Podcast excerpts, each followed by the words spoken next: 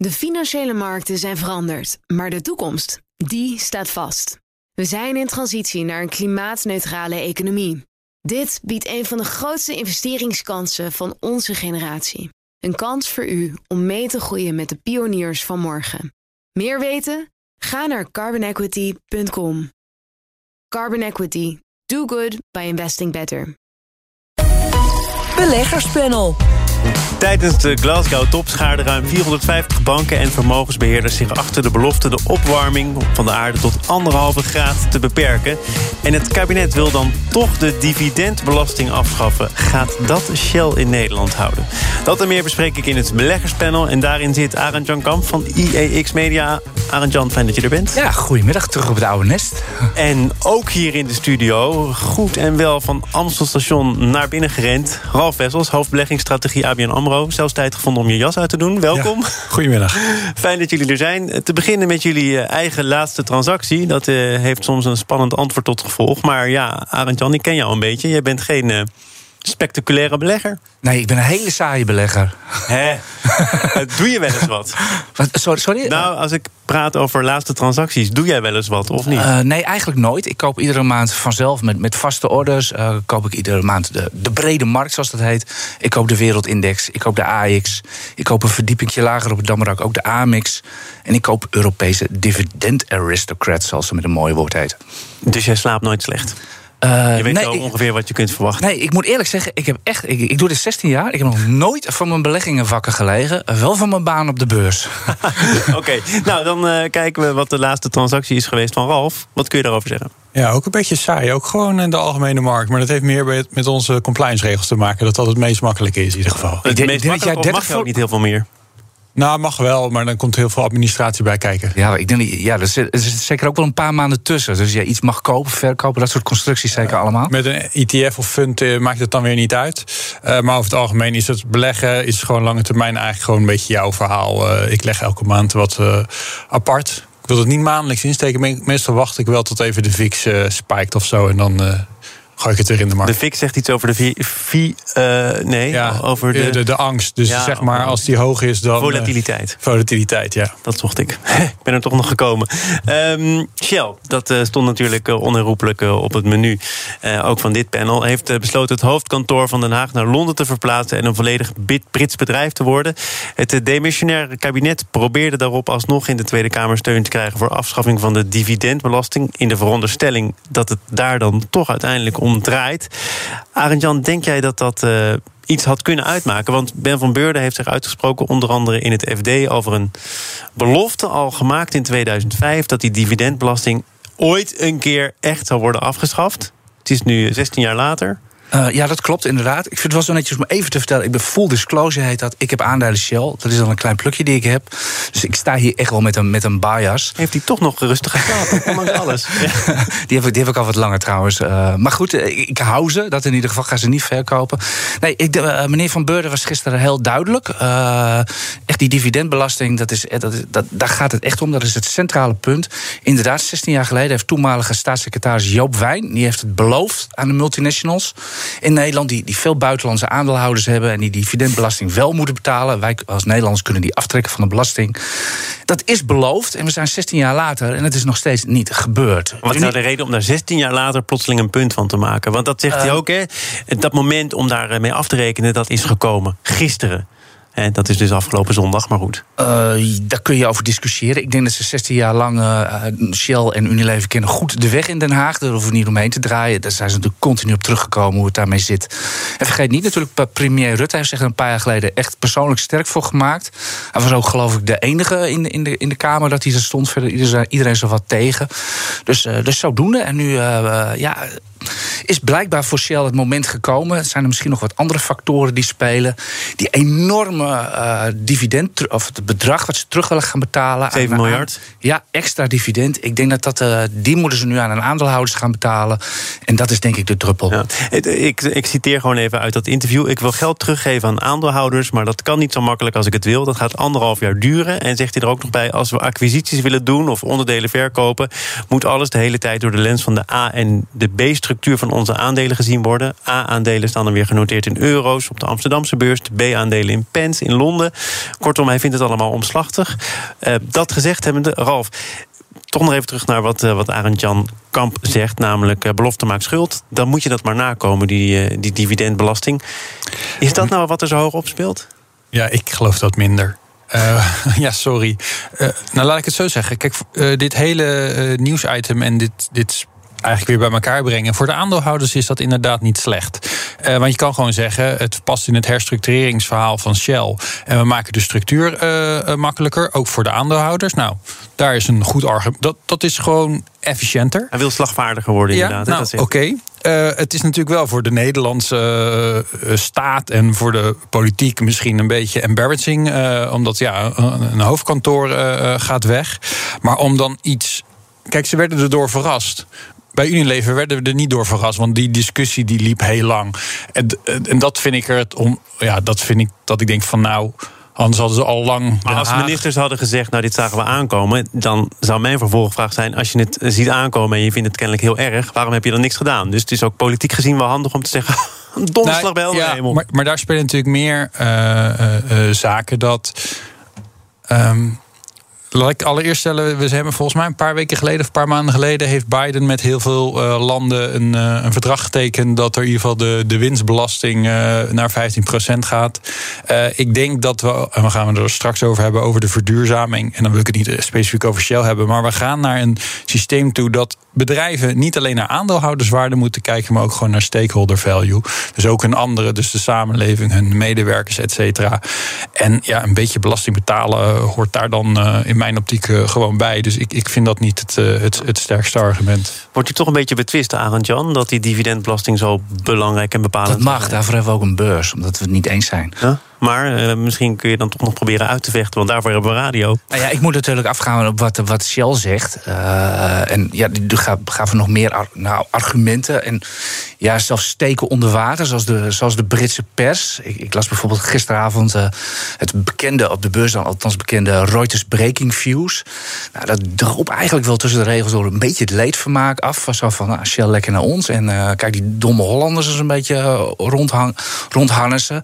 Ja, dat, dat Shell die, die koninklijke titel natuurlijk gewoon in één keer gewoon, ja, die, die schrappen ze gewoon. Dat vind, ik, dat vind ik schokkend. Eigenlijk ja, Royal Dutch, het gaat er gewoon streep vanaf. Er zijn bedrijven die doen daar honderd jaar hun best voor om die, die ja. titel te krijgen. En uh, Shell die stript hem gewoon, klaar.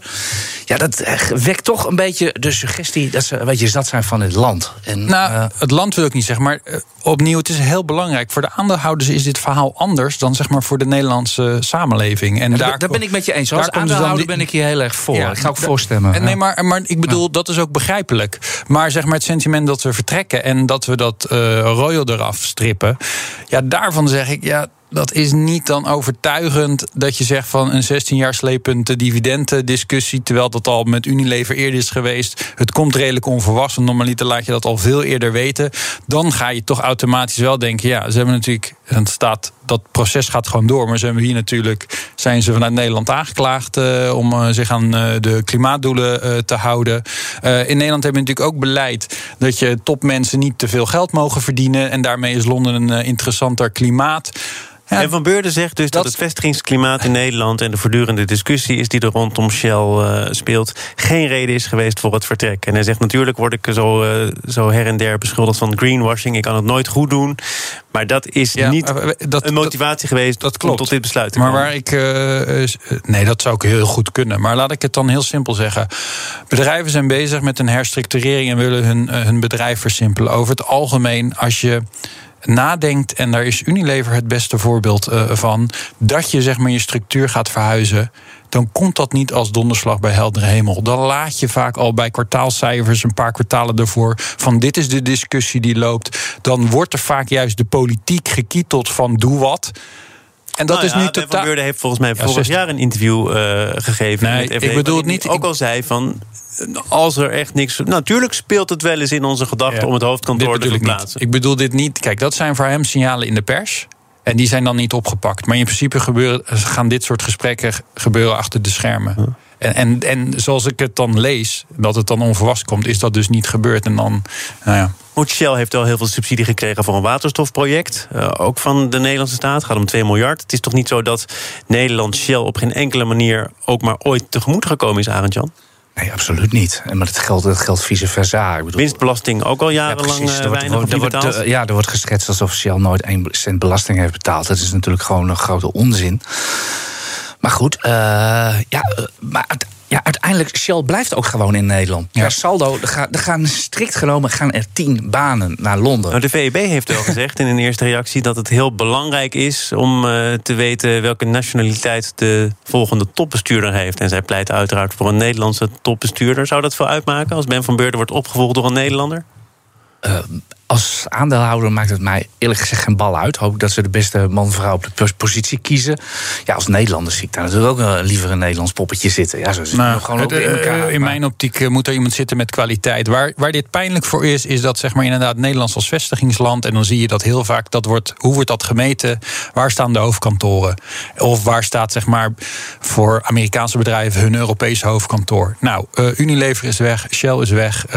en daar doorzakken we wat. En dan is dat een maatstaf in vestigingsklimaat, waardoor we het iets slechter gaan doen. Nou, dat moet dan ook een signaal zijn uh, naar de politiek, om dat dan misschien weer uh, op een andere manier uh, interessanter te maken. Maar nog steeds, ja, als het gaat om de activiteiten van Shell, de Rotterdamse haven is nog steeds ja, de haven voor de richting naar Europa. Ja, daar gaan ze echt nog wel gewoon opslagterminals houden hoor. ja, nee, er verandert, er verandert echt niks mee. Er, er, gaan ook, er gaan ook eigenlijk maar tien banen naar, naar Londen toe. Maar dat sleept natuurlijk wel een heleboel mee. Er zitten natuurlijk allerlei managementlagen onder et cetera. En uiteindelijk zuigt dat natuurlijk wel allemaal naar Londen toe. En andere dus- slepende kwesties. Hè. We hebben natuurlijk eh, recent kennis gemaakt, ook binnen Shell, met Third Point, de activistische aandeelhouder. Die zegt: Nou, split het maar op. Maak een groen Shell en een grijs Shell. En uh, nou, de, de een kan dan de ander financieren. En zo kunnen we echt werk maken van groene ambities. En tegelijkertijd veel geld blijven verdienen met fossiel. Uh, krijgt dat nog weer een nieuwe dynamiek door wat er net besloten is? Uh, zou, zou, heel goed kunnen. Ik kan me ook niet voorstellen. Uh, Shell heeft daar de afgelopen jaren zelf natuurlijk ook volop over nagedacht. Maar uh, ja, dat, moeten we, dat moeten we echt maar gaan Jij zien. Bent aandeelhouder. Ja, ik, ik, ik, weet, ik weet het niet. Er zijn, ik, ben daar, ik ben daar zelf niet uit. er zijn hele goede argumenten om dat te doen. Er zijn ook hele goede argumenten om het niet te doen. Ik, ik ben, ik, ja, oh, dat, dat, kan toch? Ja, zeker. ja, dan, ga je, dan ga je zitten redeneren van ja, als je inderdaad een, een zeg maar Shell Green, als je dat bijvoorbeeld naar de Nasdaq gaat brengen of wat dan ook. Hè, wordt alles, uh, wordt alles dik en duur betaald. Dus uh, kun je er heel veel waarde uit, uit die onderdelen halen. Ja, en Shell Black, als we het zo maar even noemen, Shell Fossiel. Uh, ja, daar kan je nog jarenlang, ik weet niet hoeveel geld mee verdienen en mooie dividenden van betalen. Ja, je kan natuurlijk ook zeggen van ja, je hebt juist die prachtige cashflows die er nu nog met olie en gas worden gehaald. Die heb je juist nodig om weer in die duurzame dingen te investeren. Ik, ik, ik weet het niet. Ben je er wel uit, Rolf? Ja, wat vind nou, jij? Ja, ja, ik, ik, ik vind dat een beetje een rare uh, discussie. Kijk, wat je gewoon ziet in de olie- en gasmarkt, dat um, we moeten nog investeren daarin. En we hebben de energiemix veranderd, maar we hebben nog heel lang olie en gas uh, nodig. Dus wat je wel ziet, is dat je over het algemeen um, dat soort investeringen in dat soort projecten dat, die zijn fors en daardoor moet je eigenlijk lange termijn commitments hebben. Nou, die worden steeds minder afgegeven. Dat hoorde je Poetin natuurlijk ook over het gas uh, uh, zeggen. En dat zorgt ervoor dat bedrijven minder snel willen investeren, omdat ze niet de zekerheid hebben dat ze dat terugkrijgen. Dus dat is gewoon lastig. Daarmee zie je trouwens bij de grote oilmeesters dat langzaam verschuiven, naar de Saudi Aramco's en de Gazprom semi-staats, ondanks dat de beurs genoteerd is. Dus die, die markt verandert. En voor de rest heeft Shell natuurlijk, er is niet zo moeilijk. En nu spreek ik puur vanuit een beleggingsoptiek en niet zeg maar gewoon banentechnische optiek. Maar om je bedrijfsmodel volledig te draaien naar een compleet nieuwe uh, industrie uh, of nieuwe trend. Tegenover gewoon een start-up die dat vanuit het niets doet. En dan het beste voorbeeld zijn natuurlijk de, de, de Duitse autobouwers versus Tesla. Gaan we het niet over de marktkapitalisatie hebben, maar de een doet dat makkelijker dan de ander. We gaan naar oude en nieuwe industrie onder één dak. Aal de lezen. BNR Nieuwsradio. Zaken doen. Thomas van Zeil. Te gast in het beleggerspanel zijn Arend Jan Kamp van IEX en Ralf Wessels, hoofdbeleggingsstrategie van ABN Amro. En zoals aangekondigd, Ahold Deleuze heeft een mogelijke beursgang van bol.com in gedachten. Het zou gaan om een relatief klein plukje aandelen, mits de marktomstandigheden goed zijn in de loop van volgend jaar.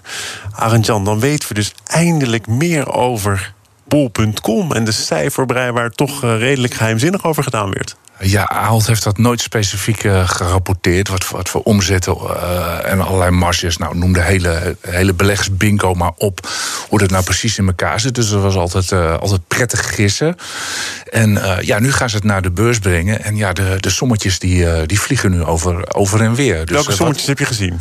ik heb waardebepalingen gezien van, van bol.com. Tussen 5 en 12 miljard heb ik voorbij zien komen. Nou, hoe zijn die berekend? Er wordt er, wordt er gekeken naar concurrentie, peers, et cetera. Vooral Zalando, vergelijkbare bedrijven. En wat, ja, wat die dan voor omzetten halen, wat voor groei erin zit, marges. Nou, noem ook weer die hele bingo op. Dat gaat in, dat gaat in een Excel en dan komt er dan wat uit. En uh, ja, dat zijn inderdaad waardes tussen, tussen 5 en 12. Daar zit, daar zit, behoorlijk, ja. daar zit behoorlijk wat tussen. Ja. Maar ja, uh, ik bedoel, uh, ja, techbedrijven die nog niet zo heel veel geld verdienen, et cetera. En waarderingen, dat is natuurlijk deze jaren. Nou je kunt nu bol.com wel duidelijk positioneren als een techbedrijf. Hè? En een techbedrijf, Ralf, daar vertel ik niks nieuws mee, maar wordt anders gewaardeerd dan een supermarktbedrijf. Ja, dat klopt. Nou, het, het, het is een, uh, ja, hoe zeg je dat, detailhandelsbedrijf met een online platform. Dus of het dan automatisch een techbedrijf is. Maar wat wel interessant is. Dat zullen ze het zeker noemen. want uh, ze hebben net wel cijfers gegeven. Want de omzet was 5,5 miljard. En de EBITDA, dus zeg maar even uh, operationeel bedrijfsresultaat, was 150 à 170 miljoen. Ja. En zij verwachten. Uh, dat dit kunnen verdubbelen in 2025. Dus spreken de omzet, hè, geloof ik. Nee, beide. Oh, beide. Beide, ja. ja. En. Um, maar ja, wij, uh, of ABN AMRO, onze analist, heeft ook naar gekeken. En die plakt er, om er dan, dan zitten we er bijna tussen die waarde. Maar die zit op 7,5 uh, miljard. En wat, wat vind je van die cijfers die dan uh, toch nu maar door de topman van Ahold bekend werden gemaakt? Namelijk die omzet van 5,5 miljard en die bruto winst, om het maar even zo uit te drukken, ja. van 150 tot 170 miljoen. Valt nee. dat mee? Valt dat tegen? Nou ja, dat is gewoon uh, goed. Uh, Bol.com doet het ook goed. Het is natuurlijk heel erg sterk gepositioneerd in Nederland uh, en België. Um, voor de rest moet ik, moet ik zeggen dat ik ja, maar aan één cijfer heb je weinig, want je wil natuurlijk een trend uh, en, een, en een groeitrend zien. Maar in ieder geval, ja, voor uh, over hoeveel jaar is dat? Uh, ruim drie. Moet het al verdubbeld zijn. Dus dat is natuurlijk positief. En dat moet misschien ook om in het spoor te blijven van al die andere grote webwinkels die Nederland hebben ontdekt of gaan ontdekken. Amazon bijvoorbeeld. Ja, je zegt het. Ja, dat is, dat is natuurlijk de grote schaduw die er over Ahold zelf, maar ook over bol.com heen hangt. Ik denk dat Ahold redeneert van dat bol.com sterk sterk genoeg is, voldoende marktpositie heeft, uh, vertrouwen bij, uh, bij de consumenten. Uh, je, hebt die, je hebt die vaak Jitse Groen gehad van, van Just Eat Takeaway hier in de uitzending. He, die vertelt je ook altijd van als mensen eenmaal ergens klant zijn en ze zijn tevreden, gaan ze niet meer weg. En dan hoor je nooit en, meer wat uh, van Just Eat Takeaway. Dat is rustig volgens mij. ja, daar, daar, spelen, daar speelt het een en ander. Ik denk dat Jitse hier even geen tijd voor heeft uh, voor dit soort dingen. Hij kan wel twitteren. Nee, maar goed, daarmee geeft hij het natuurlijk wel, wel haar fijn, fijn aan. Van, dat, ik denk dat ook dat bij Bob.com, bij Aal, dat ze het vertrouwen hebben van dat de klanten die er zijn, dat die ook gaan blijven en dat die niet meteen massaal naar Amazon gaan hollen. Nee, Hives is ook nog steeds een doorslaand succes. nee, maar je moet hier dat moet je denk ik even duiden. je nou, voor de mensen die Hives niet meer kennen. Nee, maar goed, dat was natuurlijk ook die, die boden ook dapper weerstand tegen Facebook. ik weet niet, die vergelijking gaat op heel veel manieren mank. Maar als Amazon serieus werk maakt van Nederland, dan heb je misschien een beursnotering nodig, kun je geld ophalen. Of, of is het toch een gelopen race? Ja, maar hier geldt ook nog een beetje de uh, het netwerkeffect. Dus dat hoe meer mensen er gebruik van maken, hoe automatisch meer uh, bedrijven hun spullen erop aanbieden. En dan is dus naamsbekendheid en zeg maar de winner takes all is groot. Nu heeft Amazon natuurlijk wel heel veel marketingbudget. maar je moet het misschien ook zien dat ze nu, als ze die unit loskoppelen, waar ze trouwens wel van plan zijn nog een enorme dikke vinger in de pap te hebben. Dus het is niet zo dat het volledige bedrijf beursgenoteerd straks gaat worden. Of het is wel volledig beursgenoteerd, maar niet voor het volledige kapitaal.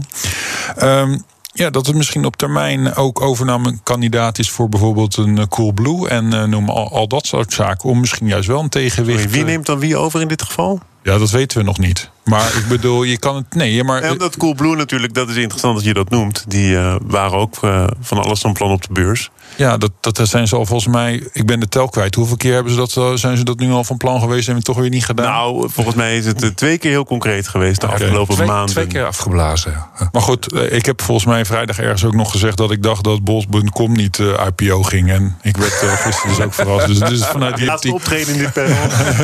nee, maar het, het laat maar zien dat uiteindelijk als je zoiets losbrengt biedt het mogelijkheden in een markt die natuurlijk waar een paar uh, de, de dienst uit uh, gaan maken. Dat op een gegeven moment wel om bij wijze van spreken in de toekomst tegenwicht aan Amazon te bieden. Dat je dan wel wat M&A ziet. Maar ligt het dan voor de hand dat het geld dat wordt opgehaald met die beursgang ook volledig aan bol.com wordt besteed? Of kan dat net zo goed terechtkomen ergens bij het versterken van supermarkten of het uitbreiden? Nee, maar, maar zo werkt dat niet. Want zeg maar, Ahold verkoopt het, of een deel. En dan, ja, uh, dan is het een zelfstandige unit. En dan, met het geld kan Ahold iets anders doen. Het grappige is natuurlijk dat Ahold het helemaal, of Ahold Delhaize het helemaal niet nodig heeft, dat geld. Want de balans is sterk. Op M&A of op overnamegebied zijn er niet echt dingen dat je zegt, dit moet gebeuren. Uh, dus dat is op zich wel... Het, het, is niet dat ze het verplicht moeten doen omdat ze tekort uh, geld hebben en geld moeten ophalen. Hoor ik tussen de regels door een superdividend aankomen, Ralf? nou, dat mag jij zo. Het past natuurlijk wel in het uh, ook, want ook. Uh, is bezig geweest met een strategische review. En ja, misschien focussen zich op de, op de core. Wij zeggen niet een super of een extra dividend, maar dat zou dan wel. Het is niet nodig, dus dat kan eventueel wel. Ik dacht dat ze het vooral in Amerika gaan investeren. Iets wat misschien wel nodig is, dat is uh, actie om uh, de aarde niet al te zeer te laten uh, oplopen. De graden, de temperatuur, anderhalve graad, dat was de doelstelling in Glasgow. Ruim 450 banken en vermogensbeheerders hebben zich daar nu achter geschaard. Voor een portie cynisme kijk ik naar Arend Jan. Stelt dat wat voor? Uh, de, nee. Gewoon eens duidelijk. Wordt op mijn wenk nee. bediend. ik, uh, bij, bij duurzaam ESG beleggen, et cetera. Ik, ik moet eerlijk zeggen, ik vind dat niet echt een beleggersissue. En wel om de dood eenvoudige reden dat geen enkel bedrijf, zeker beursgenoteerde bedrijf, kunnen zich nog permitteren om smeerpoets te zijn. Iedereen heeft tegenwoordig zijn CO2-doelstellingen. Dus de tijd dat het een onderwerp was of zou moeten zijn, hebben we eigenlijk gehad. Wat mij betreft wel, ja. En uh, om, om mijn verhaal even af te maken. Alle bedrijven, ja, zowel, het is gewoon de directie zelf die het wil. Die hebben ook kinderen. En uh, het personeel, de klanten. Iedereen wil gewoon dat, dat ieder bedrijf gewoon netjes en duurzaam is. Dus daar heb je als bedrijf ook uh, gewoon aan ja, te houden. En doen, bedrijven doen dat ook keurig, of niet? Ja, ik kan me nog, iedereen, ik kan me nog, ik kan me nog de er wordt hier, wordt hier, er wordt hier nee. we gaan leuk.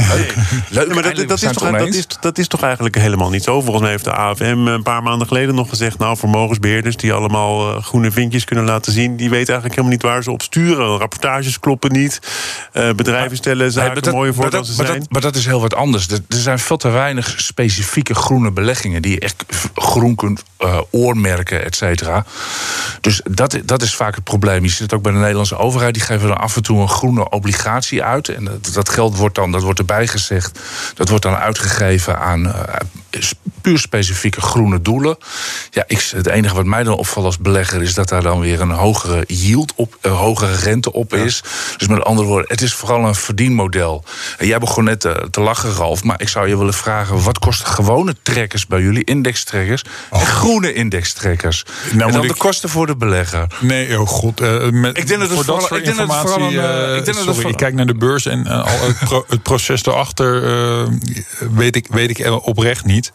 Waar het, wat wel interessant is dat, want waar ik een beetje mee zit, kijk, het is goed dat de financiële sector hier toezicht op gaat houden. Maar in grote mate is het natuurlijk gewoon een gebreken van de politiek om niet gewoon wetten te maken en maatregelen. Als we gewoon wereldwijd een uh, carbon tax hebben, dus een CO2-belasting, uh, uh, wat we wel in Europa hebben. In China is het er ook, maar is het niet echt marktconform. En in Amerika beginnen ze er nu over na te denken. Maar goed, dat loopt achter. Dan kunnen bedrijven toch hun eigen verantwoordelijkheid nemen... als ze dat zo belangrijk vinden, zoals Arend Jan Kamp. Ja, maar dat, maar dat, doen ze dus dat ook laat dus, Nee, ja. ja, onvoldoende. Kom op, dat laat COP26 nou zien. Dat is toch een nog grote sof geweest. Uh, ja, ik, ik heb. Ik er is niks. Ik heb er, ik er, heb is niet, niks ik, er is niks concreter afgesproken. We, hebben, we kunnen. Volgend jaar. Volgend jaar. Daar moet- we daar- hebben beloftes gemaakt en volgend jaar gaan we er concreet in. dan, dan, moet het, ook- dan moet het ook helemaal niet van komen. Het moet uiteindelijk gewoon komen van, van consumenten en Nee, nee, nee, producenten die dat- echt groen, dat- groen dat- gaan, gaan dat is kopen. een groot- aanbod. Dat is in mijn optiek een groot. eh, dat, soms is dat een beetje te naïef in mijn optiek. Want uiteindelijk heb je de overheid nodig die af en toe vervelende maatregelen moet nemen. Consumenten zijn prijsbewust. Eh, dus als je iets goedkoper kan krijgen, dan, dan, moet je, dan zal de massa. Hè, er zal een deel zijn die zegt: ja, ik wil duurzaam zijn. Maar de, voor de massa telt gewoon prijs. En dan zeg ik: als je gewoon de vervuiler en de gebruiker laat betalen, dan wordt de markt efficiënt. Minstens zo vervelend is een klok en de tijd wegtikt. Arend Jan Kamp van IEX, dank voor je komst. En. Ralf Wessels geldt natuurlijk ook voor jouw hoofdbeleggingsstrategie van ABN AMRO. Tot de volgende keer. Zometeen dan gaat het over een ander hot topic de laatste tijd. Een eh, stevig agendapunt, namelijk gendergelijkheid binnen bedrijven. En of beursgenoteerde bedrijven daar wel werk van maken. De financiële markten zijn veranderd, maar de toekomst, die staat vast. We zijn in transitie naar een klimaatneutrale economie. Dit biedt een van de grootste investeringskansen van onze generatie. Een kans voor u om mee te groeien met de pioniers van morgen. Meer weten? Ga naar carbonequity.com. Carbon Equity. Do good by investing better.